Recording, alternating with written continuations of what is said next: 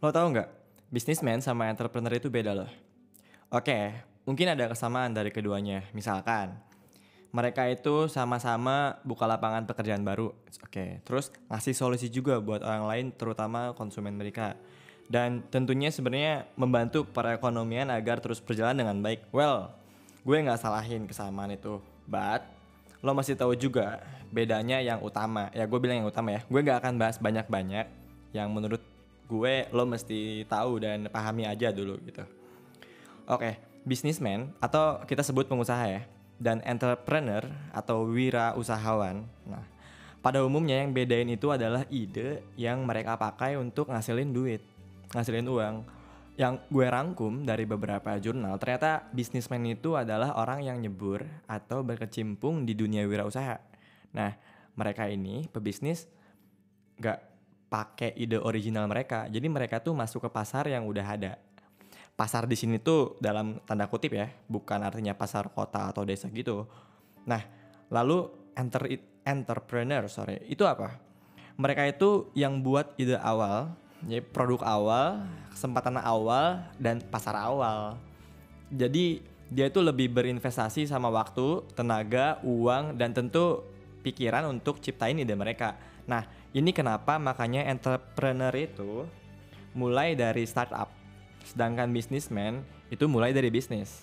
Contohnya gini, sebagai seorang entrepreneur, uh, Mas Rizky Arif yang seorang lulusan ITB eh, berhasil menciptakan suatu sepatu namanya Nah Project.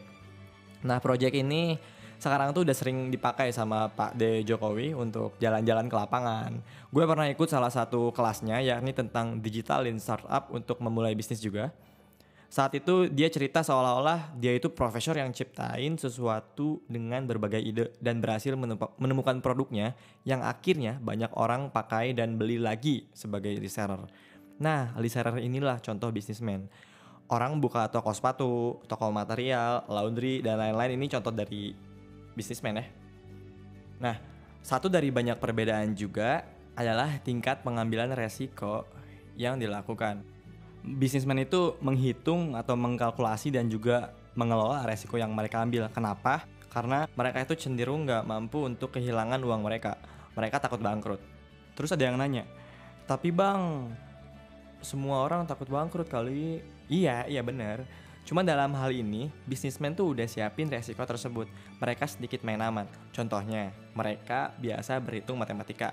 Mana produk yang bakal ditambah stoknya dan mana yang bakal dikurangi stoknya. Sedangkan entrepreneur, mereka itu kayak terjun payung. Rencananya ada, tapi sebenarnya mereka tuh nggak tahu resiko yang bakal didapatnya itu sebesar apa dan mungkin persentasenya itu bisa di atas 50%. Mereka tuh cenderung kurang peka gitu sama waktu dan uang yang mereka buang untuk menciptakan dan melakukan apa yang mereka suka. Tapi ya karena mereka suka itulah mereka biasanya mendapatkan feedback feedback lagi feedback yang nggak biasa dengan apa yang mereka keluarkan mereka menghasilkan kesuksesan yang lebih besar. Kalau gue bilang kalau lo mau jadi crazy rich jadilah crazy rich. Nah yang sekarang mau gue tanya adalah seberapa besar resiko yang mau lo ambil? Emangnya lo berani?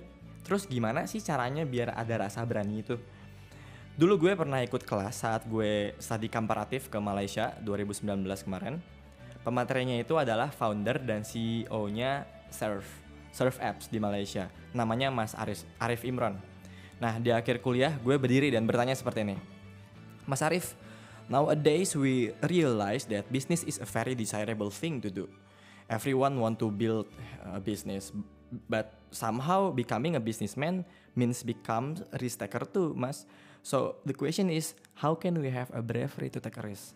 Intinya gue nanya, caranya biar berani itu gimana sih? Jawaban dia adalah, untuk jadi entrepreneur, lo harus start planning katanya. You should start your planning.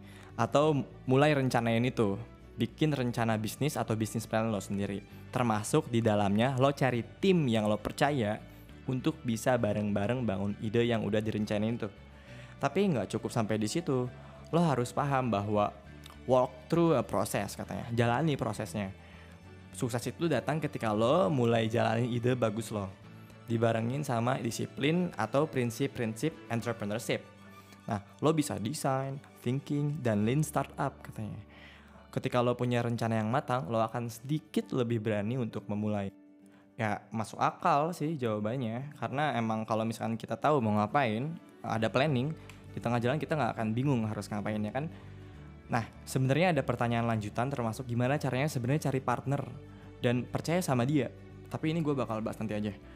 Jadi sebenarnya jawaban yang gue dapat itu intinya bukan cara untuk berani mengambil resiko, tapi berani untuk memulai. Karena balik lagi, entrepreneur itu take the crazy risk.